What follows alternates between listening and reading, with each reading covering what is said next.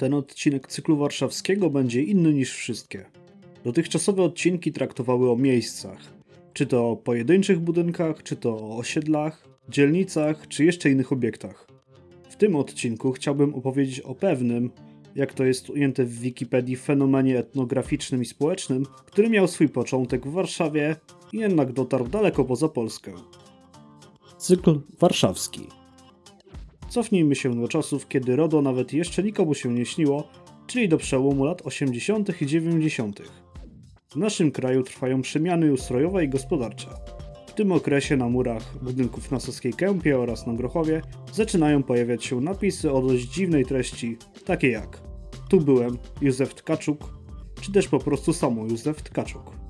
Źródła są zgodne, że najpopularniejszy był ten pierwszy, który pojawiał się również w formie Byłem tu, Józef Tkaczuk. Napisów tych z czasem przybywa nie tylko na Pradze, ale i w całej Warszawie.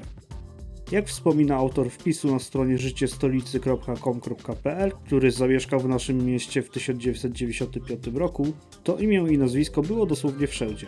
Przejścia podziemne, bramy, przystanki, ściany budynków, uniwersytecka toaleta. Postać Józefa Tkaczuka czasem stała się popularna nie tylko na murach i przystankach.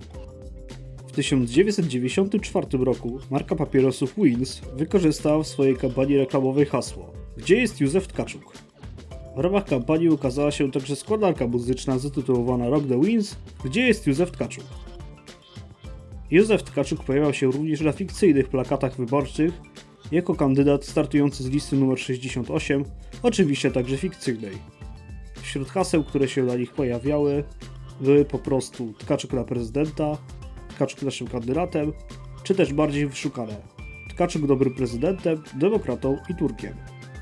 Do samego Tkaczuka dorabiane były ponadto legendy, według których miał się przyjaźnić z Forestem Gumpem i Supermanem, miał jako pierwszy człowiek w historii znaleźć się w kosmosie, miał odkryć Amerykę, a ponadto gdy Amerykanie wylądowali na Księżycu, mieli tam zobaczyć napis Tkaczuk Forever. Hasła z Józefem Tkaczukiem można było spotkać także poza granicami Polski, m.in. w Wielkiej Brytanii, Francji, Hiszpanii czy nawet w Egipcie. Wypadałoby jednak w końcu powiedzieć, kim był Józef Tkaczuk.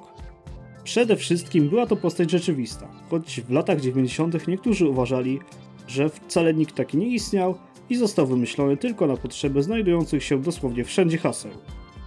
Józef Tkaczuk był woźny w jednej ze szkół podstawowych na Saskiej Kępie. Uczniowie nadali mu ksywkę Durek i właśnie dlatego to określenie pojawiło się w jednym z haseł. I właśnie ze sprawą uczniów szkoły jego nazwisko trafiło na mury. Jedna wersja mówi, że stało się tak za sprawą odczuwanej do niego sympatii, natomiast druga wersja mówi, że wprost przeciwnie, za sprawą antypatii.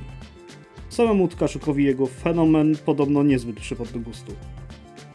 Z czasem nowe napisy na murach czy wiatach przystankowych przestały się pojawiać Józef Tkaczuk stawał się coraz bardziej zapomniany, choć jeszcze czasem się pojawiał, jak w 2014 roku w jednej z reklam operatora sieci telefonicznej.